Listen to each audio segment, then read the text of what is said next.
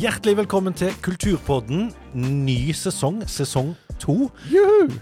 Jeg heter eh, fortsatt Bjarne Låstad, jobber i Pyx. Det gjorde jeg òg forrige sesong. Og Tom Erik Arnfinsen, du eh, var òg med forrige sesong Jeg jobber her ennå, ja. Konserthussjef. i festiviteten. Og så har du med deg din høyre hånd. Ja, jeg heter Petter Lasnegård. Eh, Anfinsens høyre hånd. Hvordan er det å være høyrehånda til Anfinsen? Og, og, og, jeg stoppe deg, for jeg er da venstre. Ja, det er ikke jeg vet. Det er veldig bra, dette. Men, men egentlig derfor, sant? Du funker best med venstre, og så har du hyra inn Petter til å være høyre hånd. Men da er det ganske makelig å være høyre, hans ja, ja, høyre ja, hånd, ja, ja, faktisk. Det ser sånn at han har, han har fine dager, det ser jeg. Han legger seg ut og kjøper seg Tesla. Så da, da jeg, tror ikke han, jeg tror ikke han har det verst. Nei. Jeg trodde ikke jeg hadde savna dere, men nå merker jeg at det, det, det var, var kjekt, å, kjekt å treffes igjen. Ja, Snakk ja, men det er jo det. Ja, det, det, det er jo det. Og ikke minst fordi at det men har, Nå har vi jo grunn til det òg. Altså at vi nå, nå er det gjenåpna. Ja, det er jo helt fantastisk. Eh, veldig eh, spesielt det der å stenge ned igjen da rundt juletider, i den mest hektiske perioden. Og, og masse bra konserter, utsolgte hus på en måte, som for, bare forsvant i løpet av noen få dager. Det gjør litt vondt. Ja, det gjør det, altså. Ja. Det, det- det gjør økonomisk eh, vondt for Anfinsen, og så gjør Mm. det kulturelt vondt for ja, min del. Så, sånn at vi delte opp. Nei, men klart det var, det var Vi så ikke den komme. Sånn Nei, vi gjorde ikke det. Nei, det kom litt påtrykk. Ja. Vi hadde vel en eh, Og vi justerte jo dvela så mye med, dvela så mye med det, men vi justerte jo ned til 200 da, og delte opp forestillinger. Så tenkte jeg, ok, men nå da er vi der. Og så tok det vel to dager, og så var det bare full stopp. Så Mm. det var et klassisk slag i trynet der, Lost Junger. Ja. Ja, og det har jo fortsatt ut i januar, men nå eh, når vi kom til oss et lite stykke inn i februar, så er det Nå har festiviteten lov å ha fullt hus. Nå kan vi ha fullt hus, Ja. og det, det skal vi. Ja, og det er mye å glede seg til eh, utover våren. Det skal vi komme tilbake til. Vi har eh, noe av det vi kan glede oss til. 26. mars, en lørdag, da kommer Heine Totland med sitt rock'n'roll-sirkus. Mm. Eh, Heine er ukens gjest i Kulturpodden. Men eh, dere har òg starta en ny eh, spennende satsing nå eh, i vår. Fortell. Ja, altså jeg, Eller vi tenker jo Eller jeg tenker jo, jeg skal si hva Lost Junger tenker, men jeg tenker jo at eh, for å drive med det man driver med her, for å ha det gøy så, og ha et, eh, en drivkraft, så tenker jeg at da må vi også finne på nye ting. Så vi starter en norsk standup-serie som heter Standup Haugesund. eh, på teaterkaféscenen vår, der vi tidligere har hatt leie for London. Og nå har vi jo i, egentlig et ønske om at vi skal finne lokale standupere. Mm. Men utgangspunktet var at dere har funnet tak i eh, noen av landets beste talenter, både fra Oslo og Bergen og, og eh, Mm. andre plasser, der det er miljøer. Det stemmer. Vi, vi har jo en dialog med de andre som driver med dette i Norge, og har en tanke om å hente inn noen av de bedre derfra. Eh, og da krydre det med, med lokale. Men så er det da hvem er de lokale? Det lurer vi jo fælt på. Mm. Ja, og vi har jo snakket om det så vidt før i, eh, i Kulturpodden. At eh, liksom, hvor er det humor-standup-miljøet her lokalt på Hauglandet?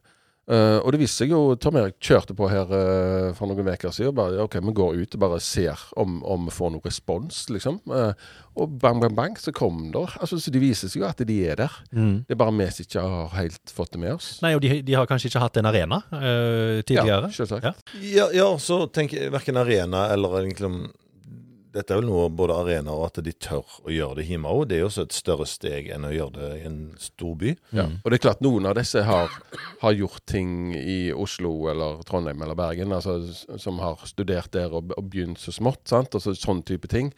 Og så er det noe med at vi må prøve å plukke de opp og få de tilbake til, til hjembyen. liksom. Ja, for det, det er ikke første gang de står på scenen. Selv om de er forholdsvis eh, ferske i standup-faget, så, så har de testa seg ut andre plasser før.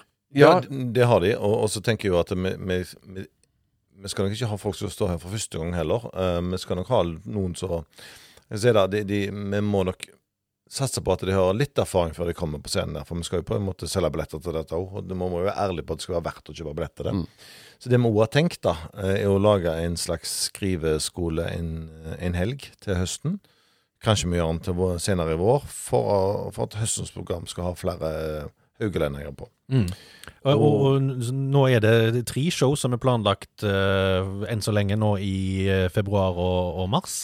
Uh, og da er det et par uh, utenbysfolk som, som kommer, men det er én lokal på hvert show. Stemmer. Og det vi snakker om da, det er altså det, det er Knut Sørsgaard, og så er det Per Kristian Skorpetveit og Sara Stefanie Skjoldevik. De skal vi få, få se i aksjon nå i, i vår. Men, men det har meldt seg flere òg? Det har meldt seg flere. Det var faktisk en, som Petter sa, det var faktisk en liten gjeng som kontakta oss ganske umiddelbart etter dette kom ut i media, og det er jo kjempefint. Og av alle rare, eller alle kjekke ting I går så var jeg på en forestilling i det flotte huset Tussertunet, Og da kom det en person bort til meg og spurte Jeg har alltid hatt lyst til å stå på scenen. Jeg kjenner personen, så jeg vet at den personen kan fungere. Mm. Men den personen har aldri gjort dette. Den personen er da skuespiller. Eh, så da tenkte jeg men vet du hva, da lager vi en weekend med litt profesjonelle komikere. Eh, til våren, f.eks. Så skal vi gjøre det. Og den var, den var veldig klar for det. Så spennende. så spennende. For det, det, altså Standup, er det noe av det tøffeste en kan gjøre? Ja, det, det er jo veldig sånn brutalt. Uh, som, ja. sant? Enten så funker det, eller så funker det ikke. Ja. Uh, og det, en trenger vel ikke Eller kan ikke forvente sånn engelsk uh, respons kanskje i Haugesund, men, men en er kanskje litt høfligere. ja, for, for Fordelen tenker jeg jo er at når, når en går ut på en standup-kveld, så er det jo for å le. Sånn at en er jo, mm, ja. en er jo positivt innstilt. Ja, akkurat. ja. ja.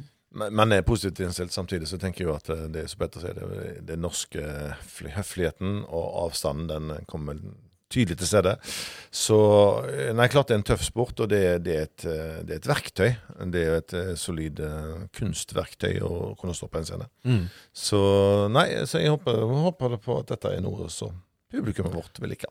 Standup Haugesund, altså torsdag 17. februar, det er allerede neste uke. Da er det Eirik Krokås fra Bergen, og så er det Ahmed Mamo fra Oslo og lokale da Knut Sørskåri fra, fra, Haugesund. Og Så fortsetter det torsdag 3. mars med Bjørn Henning Ødegaard og Halvard Dyrnes fra Oslo.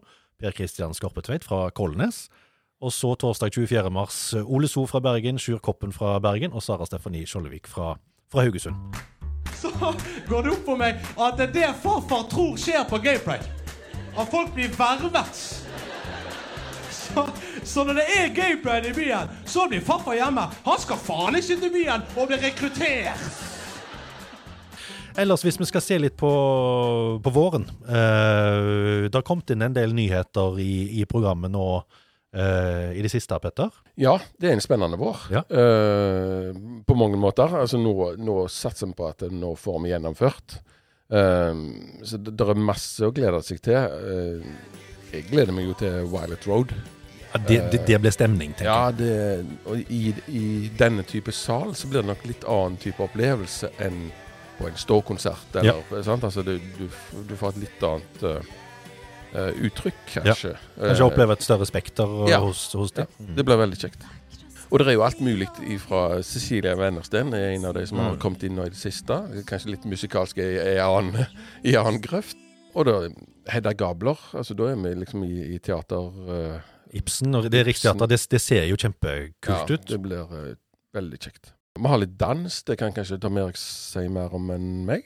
Nei, jeg kan egentlig ikke. Altså. Jo da. Eh, vi har uh, forestillingen Wow av Kompani Haugesund, som er en eh, forestilling vi tar opp igjen, eh, som ble lagt og produsert her i huset for ja, fire år siden nå. og så har Kompani Haugesund et uh, jubileum, tiårsjubileum, og i den henseende skal de på en norgesturné uh, på fire-fem forskjellige plasser, og skal starte den i Haugesund. Og det er en uh, fantastisk forestilling, om jeg skal si det sjøl. Nå har jeg vært med og produsert den, så jeg er vel litt feil, men uansett. Det er, Vi har også spilt den for masse skoleelever for tre år siden, og da var det stående applaus når de gikk ut. Mm. Som er en danseforestilling som handler om uh, narsissisme og vår tids behov for å se oss sjøl på Facebook og Instagram eller sosiale medier. Den må ses. Den er et visuelt uh, fyrverkeri, om en så klisjé skal brukes. Ja, og den er såpass Det har jeg ikke sagt til dere, men uh, jeg, som da styrer litt annonsekampanjer i sosiale medier for festiviteten, mm. den, den, er så visuelt småspektakulær at Facebook stopper den. Ja. Uh, som jeg måtte klippe om videoen for å få den i gang igjen. ja, det ser du. Så nei, men Det er en uh, fantastisk forestilling som jeg gleder oss til i huset. Det, men vi har, jeg tror det er uh, eh, 20-30 tonn med glitter på scenen. De bader i et basseng av glitter. Mm. Så våre renholdere er jo ikke drithappy med oss de dagene der. Men vi skal klare det jo. Og så kommer det eh, noen gamle helter fra eh, slutten av 80-tallet. eh, Dream Police. Det er Fredrikstad-gutta i Dream Police. Uh, med Norges beste sanger, tør jeg påstå. Å, nå tar det godt i. Ja, jeg vet det. Og jeg, Sigvard Dagsland. Oi, og jeg hørte da jeg sa det, at det, det, dette, dette har jeg sagt før. Kan, du, vi gjør sånn som i reklamen. Kanskje Norges Ja, ja, beste. Muligens Norges beste. Nei, Odd René Andersen er jo en veldig bra sanger. Det kan ingen Ingen tvil om det. det, det har jeg Ingen rett. tvil om det. Kan, det kan jeg få lov til å si. Og René eh, har jobba her på gang i huset før. Eh, og samme dag, det kan man godt si, samme dag er han på Lørdagsgjesten med Haugland Storband. Så det kan få med seg Odd René der klokka halv tre på den En helt annen setting, for, for Dream Police er litt sånn litt god gammeldags puddelrock, nærmest. Det er rockeband, vil jeg si, og, og, og Odd René han er jo da en mann uten så mye hår i dag. Men hvis vi finner gamle bilder, så finner vi mye puddelrock der. Nei, et steinbra band med noen musikere som er studiemusikere til dagtid, og leverer som ei høvla fjøl over det. Så det gleder jeg meg til. Og så er det humor. Terje Sporsem er tilbake igjen. Eh, Nils Inger Odne kommer, kom innom. Og uh, Utaktherrene, som da endelig skal få ha showet sitt, jubileumsshowet et par år etter uh, opprinnelig Ja, tenkt. og de, Og Bjørn Eidsvåg, eh, som skulle ha vært eh, og hatt julekonserter, eh, vel, han kommer i eh, begynnelsen av april. begynner 2.-3. april kommer han, og den Da, da er det ikke julekonsert her. bare. Nei, nei, Nei, det, takk. Det var godt. Uh, Nei, da kommer Bjarne bandet. Og, og det er jo noe godt med det, da. Det er noe godt å ha Bjørn i huset. Ja. Og for folk som er glad i ja, Han kan vel både være litt klassisk og litt jazz. altså Ketil Bjørnstad, og så er det jazz med Jan Garbarek. og Ja. Det er mye, mye å glede seg til. Fullt program ligger på festiviteten.no. Well, it's one for the money, two for the vips, three to get ready. Now go, cat, go. Why don't you Han er en av Norges største og mest populære entertainere. Eh, Bømling, født i Haugesund. Heine Totland, velkommen til Kulturpodden. Tusen takk. Kjekt å være med. Eh, rettelse allerede. Eh, Ja. Jeg er født på Stord. Stord. fødestova på Stord. Men vokst opp i Haugesund? Ja, delvis. Delvis. Eh, pappa var sjømann, eh, så ja. Han var på langfart. Eh, så når han var hjemme, så var han hjemme, om du skjønner. Ja, ja. Så det er bare 14 måneder mellom broren min og meg. Ja. Eh, men det endte med at han Når vi ikke ante hvem han var når han kom hjem, så begynte han eh, å, å tenke over livet på nytt, og vi flytta litt rundt om. eh, Der som han jobba, og der som han eh, studerte. Så da havna vi altså tre år på Riseina. Jeg, jeg var fire til sju, tror jeg. Eller tre til seks. Viktige år. Ja, og jeg husker Jeg har så utrolig mye minner fra Riseina, og den stemningen der. Og um, mamma jobba på Seaside. og, og hun var jo eh, ultrahot. Eh, da, da kan jeg faktisk si rent objektivt, tror og, Ja, og det tror jeg jeg har ikke sett nå, men Tom Erik? Jo, han er en fantastisk mamma. Ja. Ja, Innvendig og utvendig. ja takk. Ja. Hun er Ja. Sissel eh, Totland. Hun eh, ja merk dere Hun, navnet. hun jobber på Hun er så sjenert òg, vet du. Så hun jobber på Seaside, så jeg, vi var jo ofte og besøkte der eh, før det liksom åpna skikkelig. da. Og da husker jeg at de spilte Sugar Baby Love på fullt. Altså, jeg, det, jeg har så sterke minner fra det. Ja. Og, og jeg husker at uh, de sa ja, nå er buksemannen ute, uh, så da kan dere godt komme hjem. Det var sånn vi det var sånn vi forholdt oss til blottere når vi var unge. Husker du han? Nei, nei, jeg ikke nei. Altså. Men har du hørt om han? Nei. Å nei. Er dette noen sånn historie fra Ja, det Buksemannen er sprell levende Nei, i det i min eh, det er risehistorie, det der. Ja, ja, ja, Dra lenger på landet med det. Ja, ja, men han fantes. Og han Og, og du og, så opplevde han? ja, eller var det bare noe du på avstand. Ja. Jeg ble skåna. ja. Grunnen til at vi har invitert deg, det er jo selvfølgelig mange gode grunner til å invitere en kar som, som deg, men grunnen til at vi har invitert deg, er jo at du kommer til festiviteten lørdag 26. mars med eh, rock'n'roll-showet ditt. Ja. Fortell. altså Heine Totland og sirkuset. ja. Jeg er jo veldig glad i festiviteten, skal sies. Eh, Og um, den scenen og det rommet det har gitt meg så store opplevelser. Og det er jo i seg sjøl litt sånn spesielt, for at eh, vår oppgave er jo å prøve å gi opplevelser til andre. Men allikevel så har jeg så sterke, flotte opplevelser fra festiviteten. Og jeg husker den første skikkelige konserten vi gjorde etter eh, Altså, historien om dette uh, sirkuset, da, som det heter Før så heter det Heine Totlands Rock and Roll Circus. Eh, og før da så heter det uh, Buddy Holly The Concert. Og det var for at på Folketeateret i Oslo, året etter jeg gjorde Mamma Mia på samme scene, så spilte jeg da Buddy Holly i Buddy Holly The Musical. Og da ble jeg kjent med rock'n'roll. 50-talls rock'n'roll. Som du ikke hadde et så sterkt forhold til fra før, eller? Nei, jeg hadde ikke det. For at eh, jeg, jeg vokste opp med Beatles, Stones, Bob Dylan, The Hollies. Ja, 60-talls. Ja. Buddy Holly var idolet til disse. Mm. Og jeg har liksom aldri hatt tid eller mulighet til å dukke ned i det. Jeg har alltid vært interessert i rock'n'rollen, og spesielt i Buddy Holly, da, på grunn av at eh, He Ain't Heavy, He's My Brother er kanskje den enkeltsangen som har betydd mest for meg og min karriere eh, etter jeg gjorde den i 1999 på Beat for beat. Og den ble jo gjort av The Hollies. Og The Hollies jeg har selvfølgelig tatt navnet sitt for Buddy Holly. Beatles starta etter å ha sett Buddy Holly live. Og Buddy Hollys band heter The Crickets, så de lagde et annet billenavn. The Beatles. Eh, Bob Dylan den 1. februar 1959, to dager før The Music Died, når Buddy Holly krasja i, i flystyrt, så um, sto eh, Bob Dylan på første rad og sverga den dag i dag at han hadde øyekontakt med, med Buddy Holly, og, og lagde Blood on the Tracks-albumet til, til Buddy Holly. Heartbeat,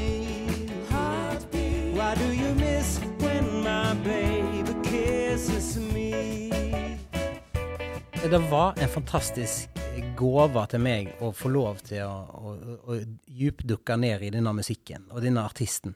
Og det inspirerte meg så grunnleggende, for, det, for det første så måtte jeg Jeg måtte jo lære å spille gitar.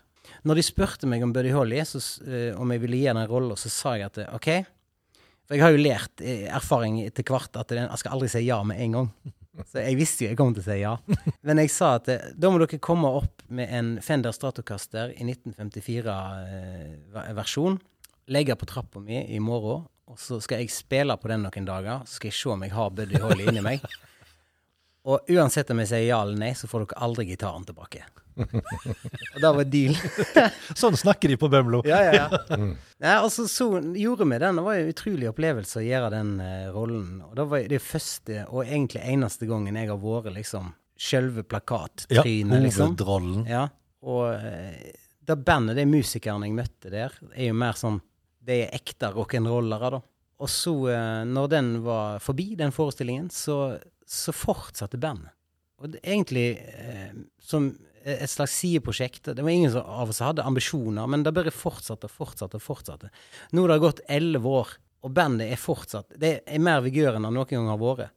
Og en av de aller første konsertene vi gjorde, var på festiviteten.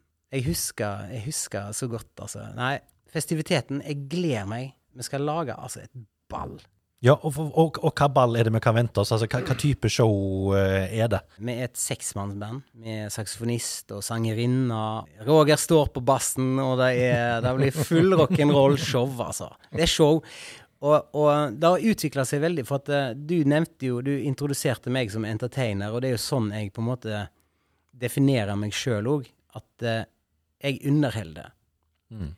Og jeg er ikke sånn type artist som kommer og skal gjøre mine egne sanger, eller, eller ikke snakke Jeg snakker skikkelig mye mellom låtene, sånn som jeg gjør nå. Ja.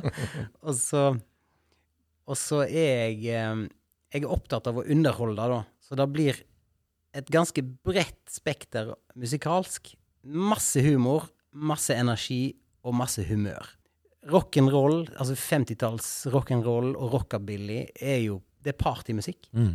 Den er jo kirurgisk effektiv. Det er fantastiske låter. Ingen av de varer mer enn to minutter. Så vi spiller kanskje 40 sanger. Ja, ja. Perfekt, spør du meg. altså. Det er helt, helt sjukt hvor mange låter det er. Ja. Og, og jeg står og hakka, hakka, hakka med tekst og holder på og spiller, og, og, og, og så det, Kjen, kjente låter som Ja, ja, det er masse, ja, det, Ja. Ja, men det må jeg si noe, fordi jeg har ikke noe forhold til Buddy Holly i det hele tatt, utenom at jeg har da bekjent med henne og fått Buddy Holly inn den veien der. Men når, det, når du har dette showet på scenen, så går det over så mange generasjoner. Det er det som er dritfascinerende, for musikken den tiltaler også de som er yngre enn oss. Og det er skikkelig rock'n'roll, og det er gleden av spillingen til henne og gjengen. Det er bare jeg opplever sjelden artister i Haugesund som smitter så mye. Og det er nok musikken og dere som personer. Men musikken er fantastisk, uten at du egentlig trenger ha sånn tett forhold til den. Jeg så Buddy i London når jeg var rundt 20, tror jeg, og ble òg helfrelst. Ja. Hadde heller ikke noe sterkt forhold Så til. Buddy Holly. Nei. Sangene ligger der. sant? Du Ja, har du har hørt jo de hørt dem. Sånn Ja, som ja. Heartbeat var Ja, jo eh, med hjertet på rette staden. sant? Det er Buddy Holly. og- Everyday. Everyday og Peggy Sue og Oh Boy. That'll Be the Day. That'll Be the Day. Not Fade Away. Eh, og så har du jo mange altså For eksempel eh, hvis du sier down, down, down, down, down, down, down, down, down, Baby ooh. Det er jo for, for eh, Dirty Dancing. Ja, det er det Ja. Og Beatles gjorde jo Words of Love. Det, det er altså ei skattkiste. All of my love, all of my kissing. You don't know what you've been to me, oh boy. Oh boy. When you're with me, oh boy. Oh boy. Got work out to that woman for me. Når det er sagt, så gjør vi jo mye mer. Vi tar det jo mye lenger nå. Vi gjør til og med moderne låter litt, og vi, vi seiler av gårde i og prøver Vi har til og med en greie som jeg er veldig fornøyd med. det. Jeg skal prøve å gjøre ABBA tøft. Dette bandet, Tom Erik, som du nevnte, altså det, de er jo håndplukka gjennom mange år eh, for at de leverer like bra bak scenen som på scenen. Dette her er ekte, fantastiske mennesker som elsker å spille. Og det er veldig viktig for meg. Jeg kan ikke ha en musiker i bandet som bare går og ser på Netflix etterpå. Det gidder jeg ikke. Nei. Det skal sprute energi og, og avslappahet og lave skuldre og upretensiøst. Og det er jo klart at det, jeg har jo skjønt gjennom et langt liv at jeg har en dose energi eh, tilgjengelig som er litt høyere enn gjennomsnittet. Det har jeg skjønt. Kanskje ville jeg fått noen bokstaver eh, i andre tider, men den musikken her, den passer meg liksom helt Helt Altså, jeg, jeg elsker det. Jeg blir 16 år i hodet når jeg eh, tar på meg gitaren og går på scenen med dette bandet. altså. Jeg ønsker at folk skal virkelig kose seg, le og delta aktivt. på en måte De skal føle at de eh, har vært med på noe som er unikt. Det, det skal aldri være noen, helt ideelt sett, aldri noen som føler at jeg bare kommer og gjør greia mi og stikker. Jeg har tenkt på det mange ganger. Nå er jeg 51 år og har jo vært heldig og hatt mange år i, i bransjen. Og på en måte Én ting er liksom å komme seg der, at jeg får lov å ha egen konsert i festiviteten. Men så holde seg der, da er en lang jobb. Det, Altså. er, det er ingen selvfølge. Nei. Nei. Så jeg, jeg, jeg, jeg er jo, eh, som vi nevnte, bømling nå, eller vestlending. Det er jo samme skiten, mye av dette her. Eh, så eh, vi er jo laga mer for å bygge steingard, Mm. Tenker jeg. sant? Jeg faktisk eh, Disse her Oslo-gutta til broren min og meg, søn, sønnen min og, og fetteren, da, Oslo-gutta, så sier jeg eh, nå i jula så skal vi, Vet du hva vi gjør til sommeren? Så bygger vi en steingard. Hvorfor det? Jo, Betimelig spørsmål, for så vidt. Ja, men jeg skjønner til, Jeg skjønner, jeg skjønner hvorfor de spør, men Ja, samtidig, jeg ser jo verdien av det. Ja, ja. Sant? Og, og sånn er min karriere. Det er bare en steingard. Jeg har aldri hatt det der enorme eh, gjennombruddet eller sånne ting. Så det, jeg, jeg har bare liksom Det kommer stort sett godt med folk. Mm. Eh, så, og så har vi det veldig kjekt. Og sånn går nå dagene. Ja. Skjønner men, du? men, det er jo kanskje derfor. Altså, sånn, for din, din karriere altså, du, du begynte jo litt sånn i, i kor. Hvis en kan altså Gli Skapoli, Ja. den type ting. Og så har du på en måte Det har balla litt på seg, litt sånn forsiktig, og så har det blitt litt musicals, og så har det blitt show, og så Mm. Eh, Hvordan ser du på deg sjøl som artist i dag?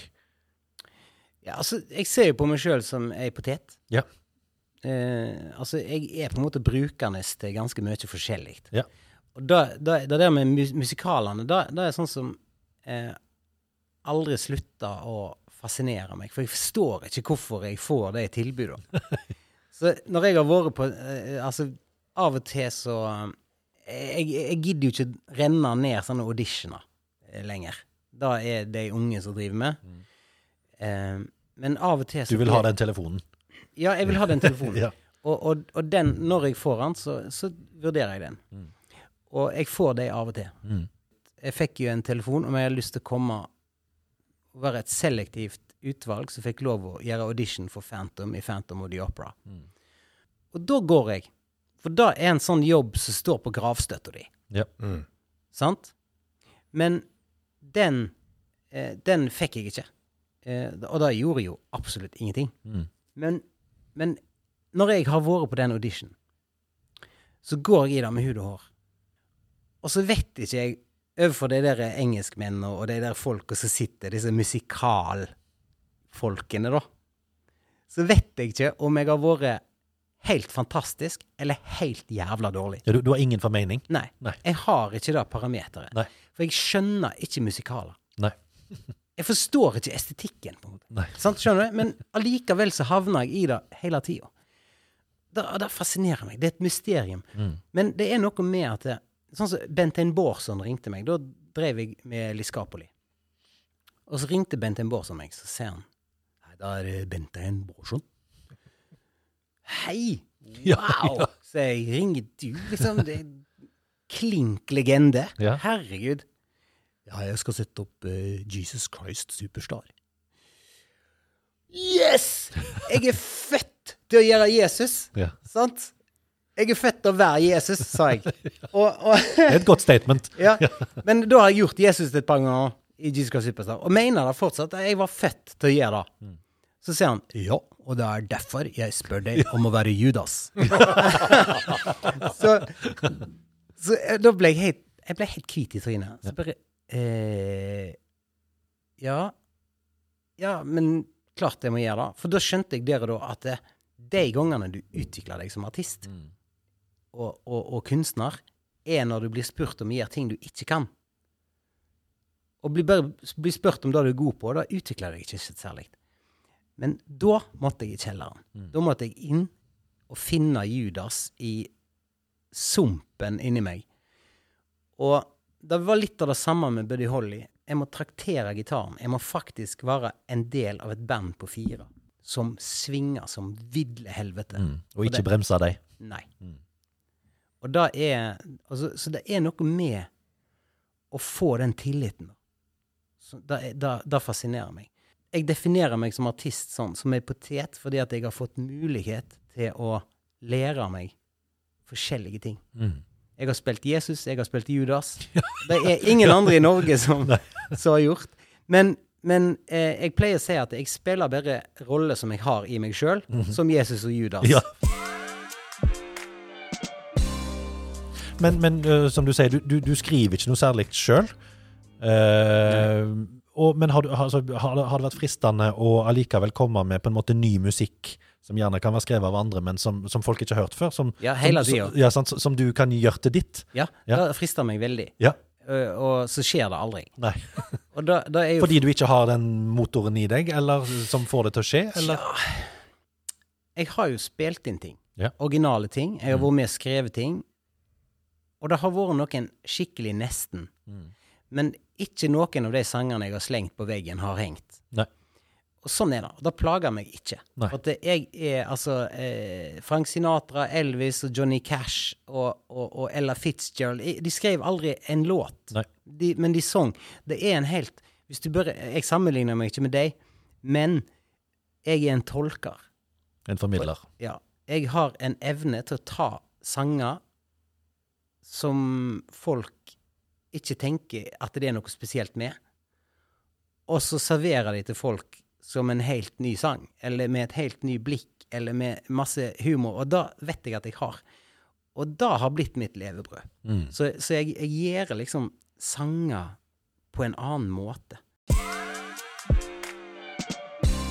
Jeg har uh, jobba litt med kona di, eh, Silje Nergård, eh, i et par år. Og hun ga jo ut et album i fjor der hun blant annet eh, ja, Mye av det var jo utgangspunkt i, i koronaen, og dette med at familien var, var eh, hjemme hele tida. For dere er jo egentlig en familie som er mye på reis. Ja. Du er mye ute, Silje er mye ute, dere har en datter som egentlig bor i London.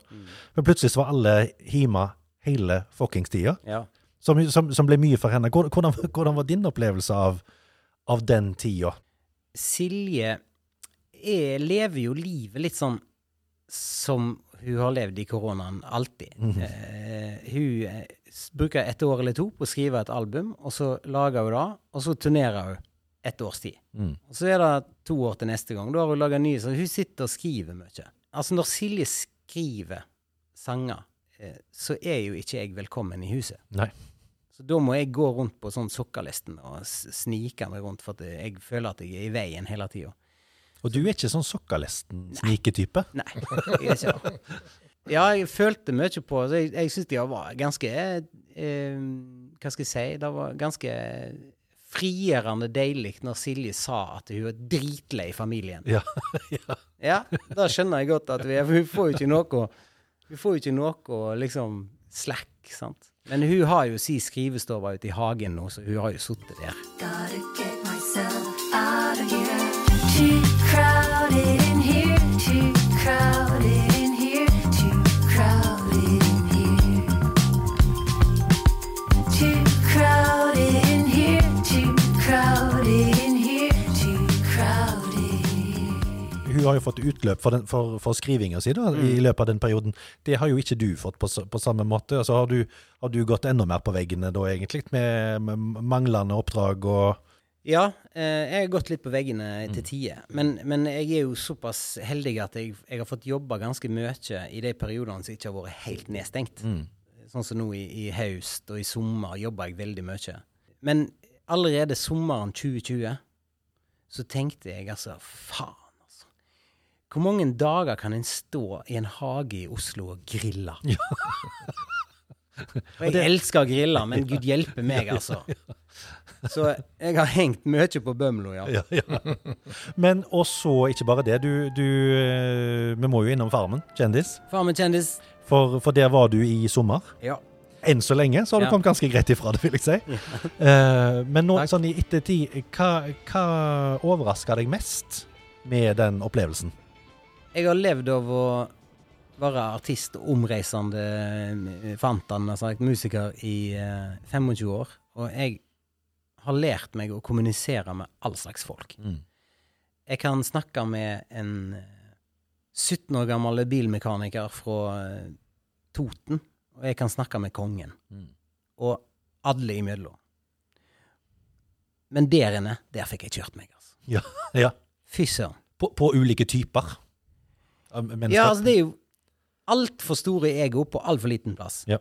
Og så er, jo, er det jo folk med vidt forskjellige ambisjoner. Du har de der ambisiøse folka som skal vinne. Mm. Um, det er folk som jeg syns er i utgangspunktet skikkelig irriterende. Mm. Kan bare slapp av i hodet ditt. Bare, altså, vi skal være her lenge, og vi skal være her i lag. La oss prøve å ha det kjekt i lag. Og for ambisiøse folk så blir jo det bare skikkelig irriterende. Så jeg irriterer jo det jo. Jeg skjønner jo det. Det er jo 24 timer i døgn her. Eh, mange, mange dager. Og, og Så det er utrolig mye rolige tid. Så jeg ble overraska over hvor jeg ikke var i teten på å være gladgutt. Jeg ble banka nord og ned av Niklas Baarli og altså Men kjente du på det? At det var litt sånn uvant å ikke være han, han gladeste? eh, Ja. Jeg, jeg kjente jo litt på det, men det har, har litt med eh, at jeg er nå blitt, begynner å bli voksen òg, så jeg, jeg har lært meg å gi litt faen. Så jeg er ikke så opptatt av å gå rundt og bare være glad hvis ikke jeg er det. Og der inne så fikk jeg jo kjørt meg litt, så jeg ble jo godt irritert på noen av de folka der. Og, og måtte jobbe ganske mye med kjemien til noen av de der. Og, og det gjorde at jeg ikke alltid syntes det var like kjekt. Nei. Og da jeg hadde bestemt meg for det på forhånd, at jeg skal ikke være sånn TV-kåt og prøve å få kamera og få kamera og få kamera. Jeg, når jeg har noe på hjertet, så skal jeg si det. Og når jeg ikke har det, så skal jeg holde kjeft og gjøre, bare være en ressurs. Og når jeg ser Farmen nå, så ser jeg at da, den strategien har funka. Ja. For at det, jeg er mye mer på kamera enn mange av de andre som snakket hele tida. Mm. At jeg kunne høre hvor kameraet var på gården, fordi da steg ting med 10 desibel. Da ble jeg så utestemme. At, og folk står og så skal overgå hverandre i å være løyen. Og da, da er ikke jeg interessert i lenger. Jeg kunne gjort det for 20 år siden sikkert, men nå aldri i livet. Så det var, jeg måtte gå noen runder med meg sjøl, altså. Men ble fokuset det, ditt der inne da eh, ar arbeidet? Jo, jobben med gården, på en måte? Jeg gikk inn der, og det sa jeg i forkant òg, altså, jeg gikk inn der for å være en dreng. Ja. Helt uten ambisjoner. Jeg elska tanken på å drive en gard. Vi hadde 70 dyr. Når jeg vokste opp, når jeg flytta fra Risøy nå, så flytta vi rett til gården Toteland, som eh, mine foreldre bor fortsatt på, På Moster. på Moster. Der hadde vi kyr, sauer, høns. Det var griser der til og med. Og eh, vi hesja, vi satte poteter. Det var silo, det var løa, låve. Eh, Det sto en ambolt i garasjen. Det, det, de smidde Altså, det var, det var sånn Du var godt rusta du før eh, Farmen-oppholdet? Ja, men sånn egen, egentlig ikke heller, for det, dette her var jo bare min barndom. Men vi, vi hjalp til. Så, så for meg er det paradisisk å, å, å være på en sånn gård. Så jeg gledde meg veldig til det, og jeg var klar for liksom å bare jobbe. Og det gjorde jeg. Og jeg må si at denne energien til de voksne der inne psh, står ikke tilbake for ungdommen i det hele tatt. Nei. Virkelig, altså. Og det, det syns jeg er deilig. De skal passe seg, vet du. De skal faen ikke komme her og komme her. Nei. Hæ? Men du, øh, ja, du snakket om grilling. Eh, du fikk vel lagt litt mat inn på Farmen òg? Jeg lagde godt over 800 måltid. Ja, såpass. For du er jo en eh, Kaller du deg sjøl gastronom? Nei. Er det, er det andre som gjør det? Nei, Nei men du, du er veldig glad i å, Ja, å, å lage jeg er rockekokk. Ro- Du er rockekokk? Ja. ja. Eh, Jeg er ganske sånn rustikk i stilen. Det er ikke noe sånn pinsett eh, når jeg lager mat, altså. Nei. Eh, Silje har jo sagt uh, Hun var på eh, venninnetur i helga der du lagde bacalao, som var helt fantastisk. Men Silje skjønner ikke helt greia, for at dette er jo bare vanlig onsdagsmiddag. Fordi at det, det, det, dette, hold, dette gjør jo du hele tida. Ja, jeg lager mye mat. Og jeg, altså, jeg har jo fått Maemo-mat, ifølge din fru. Ja, det vil jeg ikke påstå, altså. Men jeg har, i mine beste øyeblikk så kunne jeg kanskje fått eh, de Maemo-folka til å nikke anerkjennende, men det er jo mer for at jeg Det jeg har til felles med Maemo, da, er at jeg tenker råvare. Kun råvare. Eh, og, og ser etter de gode råvarene og gir dem best mulig behandling. Og så enkelt er det å lage god mat. Men det, jeg lever jo i et sånt hus der du ikke vet om du lager mat til to eller til 14 hver dag. Så det er, du må liksom kaste deg rundt. Og det er derfor jeg er rockekokk. Vet Ja. aldri helt. Nei, men det, men det ordner seg, og det blir bra. Ja, jeg feiler jo òg, men uh, det blir aldri katastrofe lenger. Har du tenkt på å lage Ta det på scenen? Lage mat på scenen? Ja, jeg har lekt med den tanken, men erfaringsmessig så har jeg eh, lært For at jeg har jo blitt Jeg har gjort oppdrag, da, Mm. der jeg skal både underholde og lage mat. Eh, jeg tjener jo ikke noe mer på det, og logistikken er 100 ganger An Anne-konfitt på fingrene og gitarstrenger er Ja, altså helt det er et jævla stress Ja, det ser rett ut. Ja. Og dessuten så er folk som betaler for maten, er ikke fullt så kjekke å ha med å gjøre som folk som bare er gjester. Nei. Så, så vet du hva? um, hvem vet hva som skjer, men, men jeg tenker at uh, musikken er mye greia. Han har møtt mye rare mennesker i sitt liv. Rare bømlingen fra, fra Totlandsvågen. Um, han skal fortelle det han vil sjøl, men jeg kan bare gi han et tips. Han var, hadde en ukesjobb, tror jeg det var, i Sør-Amerika. Det var vel Rio. Og så hadde dere et frokostshow, du og Gisle Børge. Ja. Og så kom det noen inn ei dør. Vi snakka om Buenos Aires Stemmer. med Dressmann. Akkurat. Og um, jeg husker det jo veldig godt, selvfølgelig. Eh, noen har bladd opp ei stor lommebok når de flyr 650 mennesker til Buenos Aires, og så videre til Rio. Og vi fikk være underholder hele, hele veien. Men da, det, da spilte vi til langt på natt. Og så spilte vi rock'n'roll frokost. Når jeg landa i Buenos Aires, så hadde jeg ikke stemme. Og det skjer veldig, veldig sjelden. Eh, jeg, eh, en sånn blanding av å være at jeg utdanner meg i en ung alder, eh, blanda med at stemma mi er laga av sånn cirka skosåle. Så jeg mister den ikke, liksom. Jeg kan alltid synge. Men da mister jeg stemma. Og da eh, ringte jeg en lege, så sa han ja, du må bare komme til sykehuset, så skal jeg fikse dette.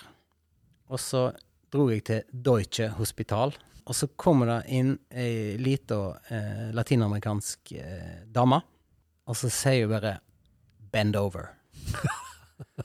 Jeg gjør som hun sier, og så setter hun altså verdens største sprøyte rett i rumpeballen min og trykker inn noe greier. Og jeg sang så ei lerke resten av veka. Og det var helt utrolig, faktisk. Der sto det en mann, så viser seg at uh, disse Warner-guttas eget dressmann hadde betalt ganske mye penger for, å, for at det skulle være der. Mick Jagger. Oi, yeah. Det gjorde seg sånn at når han da ble kalt opp på scenen senere den kvelden, så sa han at eh, I hear that Heine is giving you really cool rock and roll breakfast.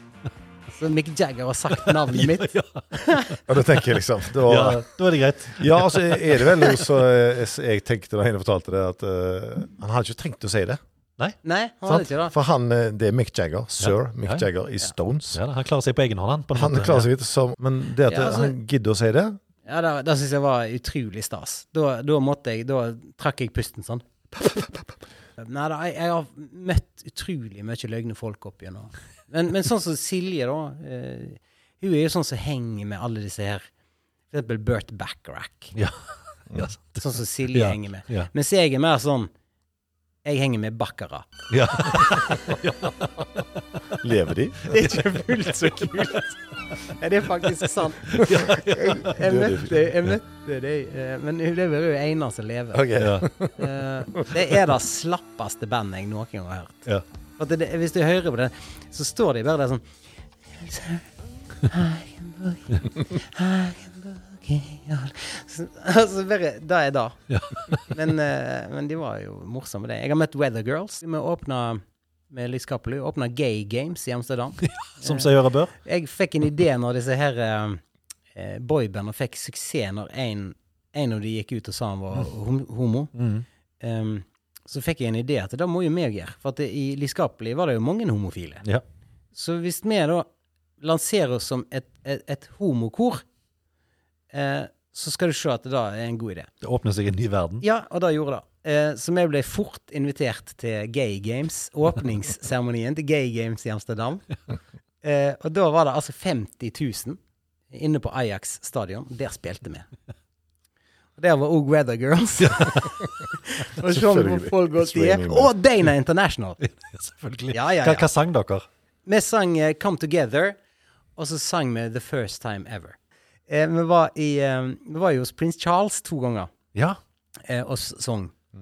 Og, og eh, den ene gangen så var vi på en stor gallakonsert der eh, Pierce Brosnan eh, leda denne her. Så da fikk vi jo helst på han, og Céline Dion var der. Og så fikk jeg på hun. Men så skulle vi bo der tre dager, da. Så da putta de oss på et hotell. Dette var i de tidene vi var ungkarer. Og da putta de oss på et hotell sammen med eh, Riverdance-jentene. det var ikke lurt. Mye dansing. Sånne irske folk er jo steinhakking Ja, ja. De er verre enn en vestlendinger. Ja. Ja, nei, det var, Så der ble det hopping i takt? det var Ja, det var ja, mye løye. Ja. Det det sånn. Ja. Men det, det var løye, altså. Vi, vi har en, eh, noen faste spørsmål som vi òg stiller til, til alle gjestene våre. Um, vi har snakket litt om, om, om Haugesund og sånn tidligere, men, men eh, nå når du på en måte ja, du, sto, I hovedsak så er du blitt østlending. Eh, Nei, nei, nei. nei, Nei, er det feil å si? Ja, ja, ja. Du blir aldri østlending? Nei, aldri i livet. Hør på meg, da. Nei, nei, nei. nei, Nei, men du bor i Oslo i hvert fall. Ja, sånn, du, men ikke har, si det til noen. du skatter til Oslo kommune. Ikke si det til noen. Nei, nei. Eh, nei, men vet du hva, helt ærlig talt, jeg blir mer og mer vestlending. Ja. Så jeg Jeg er ganske åpen om det. At Mm. jeg kommer til å eh, bruke mer og mer og mer tid på, på Vestlandet. Men nå kan du si Hva var det? Ditt forhold til Haugesund, hvordan ser du på Haugesund i dag? Eller på en måte, hvordan opplever du byen? For meg er Haugesund I tillegg til at det er en, en slags barndomsparadis for meg, så, eh, så er det jo en by som har vært veldig viktig i min karriere, for, for at eh, jeg har gjort ganske store konserter der, og oppdrag, ikke minst, òg for, næringslivet. Jeg føler at uh, jeg er jeg er kjæreste med Haugesund. Mm. Det er en, en utrolig eh, Ja, det er en viktig by for meg. Jeg får veldig mye tillit, og jeg, jeg, eh, jeg føler at, at jeg Vi har gjort mye flotte konserter og flotte eventer for, for næringslivet i Haugesund. Altså, jeg har gjort altså så mye kjekt. Ja. Nei, rett og slett Jeg har et For meg så er Haugesund en viktig by, og det føles som å, å komme hjem på mange måter. Mm. Så uh, vel jeg bømling, men herregud, det er jo samme skiten. Lukter samme skiten. Hva, du har jo sagt det egentlig, men vi kan jo bare spørre. Hva artist har betydd mest for deg? Ja, det har forandra seg ganske mye opp gjennom. Eh, Nå er det poteter som snakker. For Ja. at ehm, jeg vokste jo opp med, med Beatles og Stones og, og Dylan og Bruce Springsteen, og den der, da er liksom ungdomstida. Så, så kom den klassiske musikken, så jeg betydde mye, og betyr mye for meg nå, for jeg er, vil alltid være klassisk utdanna. Derfor er jeg fleksibel som sanger. Men jeg fikk aldri fot på klassisk musikk. Og så var det inn i jazzen, og jeg møtte Sigurd Køhn, Rest in Peace. Og, um, og uh, han betydde mye for meg. Um, Saksofonisten. mm. Og så eh, Og så er det jo altså, artister som eh, Stevie Wonder, som har inspirert meg, eh, og inspirerer meg fortsatt eh, den dag i dag. Så er det jo rock'n'rollen, da Mm. med Buddy Holly og, og Pluss Pluss. Um, når jeg var liten, så var jeg jo Kiss-fan. Og da var det Kiss eller Elvis. Og nå er jeg mer Elvis enn Kiss. Hvis du skal beskrive deg sjøl med tre ord, hvilke ville du brukt da? kan jeg si eh, energisk, gledesspreder, fjott. Ja. Greit. Da har vi Ja, tatt alt. signerer du her, ja. ja, men da, jeg elsker det. Det er jo helt topp. Men eh, hva ville folk aldri trodd om deg? Mange vil bli overraska over hvor negativ jeg er til eh, skisport. Det er veldig bra. Ja, Mye bedre enn det hadde jeg ikke trodd. Jeg er så drita lei av det! Er det mulig? Ja. Nei, men, altså, de står og halser rundt på ski. Og borte på, eh, i Oslo så har de til og med laga sånn helårs innendørs Ja, ja. skianlegg. Sånn at det- folk kan gå i ring på ski hele året. Skyt meg i hodet, sier Ja. jeg bare. altså. Hva, hva er den største tabben du har gjort? Det tror jeg er den mest liksom, ikoniske avgjørelsen er, er ikke bare min, men min families. Eh, pappa og et par kompiser kjøpte en fiskeoppdretts, lakseoppdrettskonsesjon på begynnelsen av 80-tallet. Og hadde et lakseoppdrett. Så kom den der laksealgen som drepte alt. 1987. Ja. Og da sto vi og kjempa og klarte å redde nesten hele bestanden vår. Etterpå da så ble pappa de så redde for, og ble så lei og redde for alt at de solgte den konsesjonen. Og at jeg ikke klarte å overtale dem til å drite i å selge det, men sitte noen år til. Mm. Det er den største tabben jeg har gjort. Den, altså Hvis jeg hadde klart å overtale dem til å beholde den, da, da hadde det vært Da hadde du ikke stått i festiviteten 26. mars. jo, visst hadde jeg det. Det er en, altså en publikumskultur i festiviteten som er helt rå. Det er så god stemning. Det er bare så, det er så høy og god stemning. Og du har de tett på deg. sant? Åh, og folk ler på de rette plassene. Og det, det er kvalitetsfolk, rett og Ja, ja, slett. Jeg tuller ikke.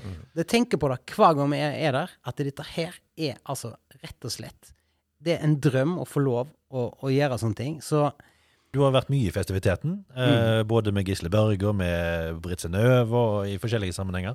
Er det noen eh, minner som eh, står igjen? Absolutt.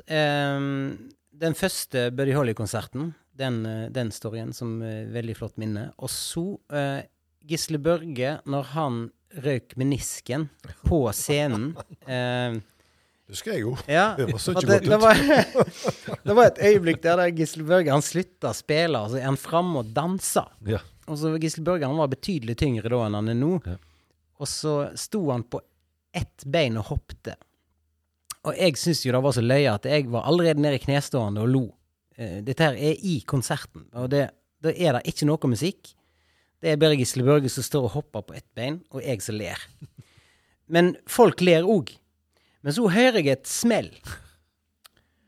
Og så ser jeg bare at Gisle Børge skriker 'au!' Og så detter han seg i filla ned på gulvet, og så ligger han au, au, au, og tar heller seg til kne. Og jeg begynner å le enda mer. Og publikum begynner å le enda mer. Og så så jeg da, da han lysmannen som var på jobb, jeg tror det var Frode, så rett og slett bare skrudde lyset på i salen. Ja, ja. Sånn at eh, Altså, der og da så var det ikke noe konsert. Nei. Midt i konserten så var det ikke noe konsert. Det var en som lå med et ødelagt kne. Jeg lå og lo. Publikum holdt på å dø, og lyset var på. Ja. Det var egentlig bare å si takk for nå Ja. og gå. Men vi gjorde ikke det. Vi fortsatte. Og så var det jo høyre kne han er ødelagt. Så det er der han spiller pedalen på flygelet. Klarte å bære han opp på krakken, og så skulle vi avslutte en julekonsert med O helga natt. Det var så vondt å trykke ned denne pedalen. Man hadde jo ikke kne. Så jeg satt og sang. Jeg sto og sang O helga natt Så hørte jeg Au! Ja. Au! Au! og så er det den høye tonen. så alle sitter og holder seg i armleia og venter på, sant? Og så gikk jeg så Å, helga Og så gikk jeg opp Natt! Og så bare hører jeg Gisle Berge Au! Au! Og så ble det bare Natt! Så ble det ødelagt igjen. Så det er det et øyeblikk jeg aldri kommer til å glemme. Nei. Når det bare hele konserten gikk til helvete. Og da er det som regel gøy å være i publikum. Ja, er du Ja. gal? Det, det byr på det. Superløye. Ja, veldig gøy. Så at han måtte bruke et halvt år på kne etterpå, da var Det var det verdt. Småpirk. Ja, Småtteri i siden har vi aldri sett det faktisk i festheten. Så det, det har ikke noe med det å gjøre. Eh, til slutt, hva er det fortsatt du har ugjort, tenker du? Jeg har ugjort å ha min egen soloforestilling. soloforestilling. Og da har, Kan det skje? det har jeg planer om. Ja. Eh, det har jeg planer om, og jeg gleder meg til å ta den til Haugesund. Da syns jeg vi skal eh, avtale her og nå. Da gjør vi det. Ja. Når den en Så, gang kommer. Mm. Og så har jeg ugjort å flytte til Vestlandet. Mm. Og da kommer jeg til å gjøre mer og mer.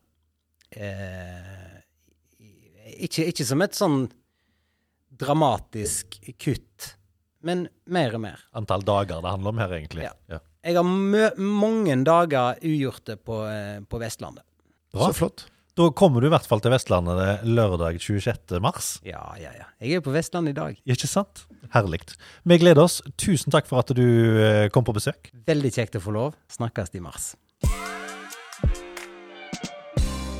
Det er ei eh, litt rolig uke nå kommende uke i festiviteten før det braker løs, men det betyr jo ikke at det ikke skjer noe, fordi at vi, vi starter Standup Haugesund eh, allerede førstkommende torsdag, Petter. Ja, det gleder vi oss til. Og lørdag, da er det ordførerens nyttårsmottakelse. Lørdag 19. februar. Stemmer. Og da, da er vi på en måte Det er et veldig framskritt, for i fjor hadde jeg nyttårsmottakelsen i juni. Ja. så nå har vi nyttårsmottakelse i, i februar. Så det, det er jo kjempeframskritt. 2023 blir i januar. Det eh, får vi håpe på. Nytt, nyttårsmottakelsen det er jo sånn som i hvert fall i, i gamle dager mm, fant sted i rådhuset. Ja, det, det var første nyttårsdag i rådhuset klokka tolv. Ja. Etter kirketid. Eh, Veldig høytidelig. veldig tidlig, veldig fint. Jeg var ikke der så mye, for jeg gjorde noe annet på 1400-årsdag. Jeg har vært på det, faktisk. Jeg har Ja. Petter vært på. Eh, men så vår nåværende ordfører han eh, brøt den tradisjonen og flytta det ned til festiviteten. Og det første gang da vi skulle gjøre det, så hadde jeg ikke tro på det, helt personlig. Eh, jeg trodde, det kom ikke folk på. Og der føyk det ut 500 billetter før jeg snudde jeg. Mm. Og det er gratis. Det er gratis, så det kan folk bare gå inn på festiviteten.no og hente seg en digital billett og komme eh, klokka fire på ettermiddagen. Og der er det masse fine taler. Det er utdeling av diverse priser. Eh, flyvende måker. Eller Fykende måker. Fykende fykende måker. Flyvende, rett og slett. Du har bodd for lenge i Oslo. Nei, mor mi var fra hugger. Det, Ja, ja, det ja. snakker de pent. Ja, ja. Nei, og, og De fykende måker er jo da eh, Haugesunds eh, vel mest høythengende, hva heter det? Ja, ja. Eh, æresbevisning. Stemmer. Som, eh, som deles ut. I tillegg til kulturstipender, idrettsstipender og priser. Og Og, så blir det kulturelle innslag innimellom. Ja, så det, det. det blir en kjempefin eh, forestilling. Uh, Arne Skomsvold skal lese dikt. Um, det blir utdrag fra den der uh, Liber Tango-en. Synne Garvik. Og, og så blir det et spennende innslag med ei helt ung eh, jente som heter Angie Canesa. Som er litt sånn ungt alibi inn i, denne forestillingen. Det blir kjempefint. Vi er tilbake med ny episode om ei uke. Inntil det så finner du alt du trenger på festiviteten.no. Husk å følge festiviteten på Facebook, Snapchat og Instagram, så um, høres vi.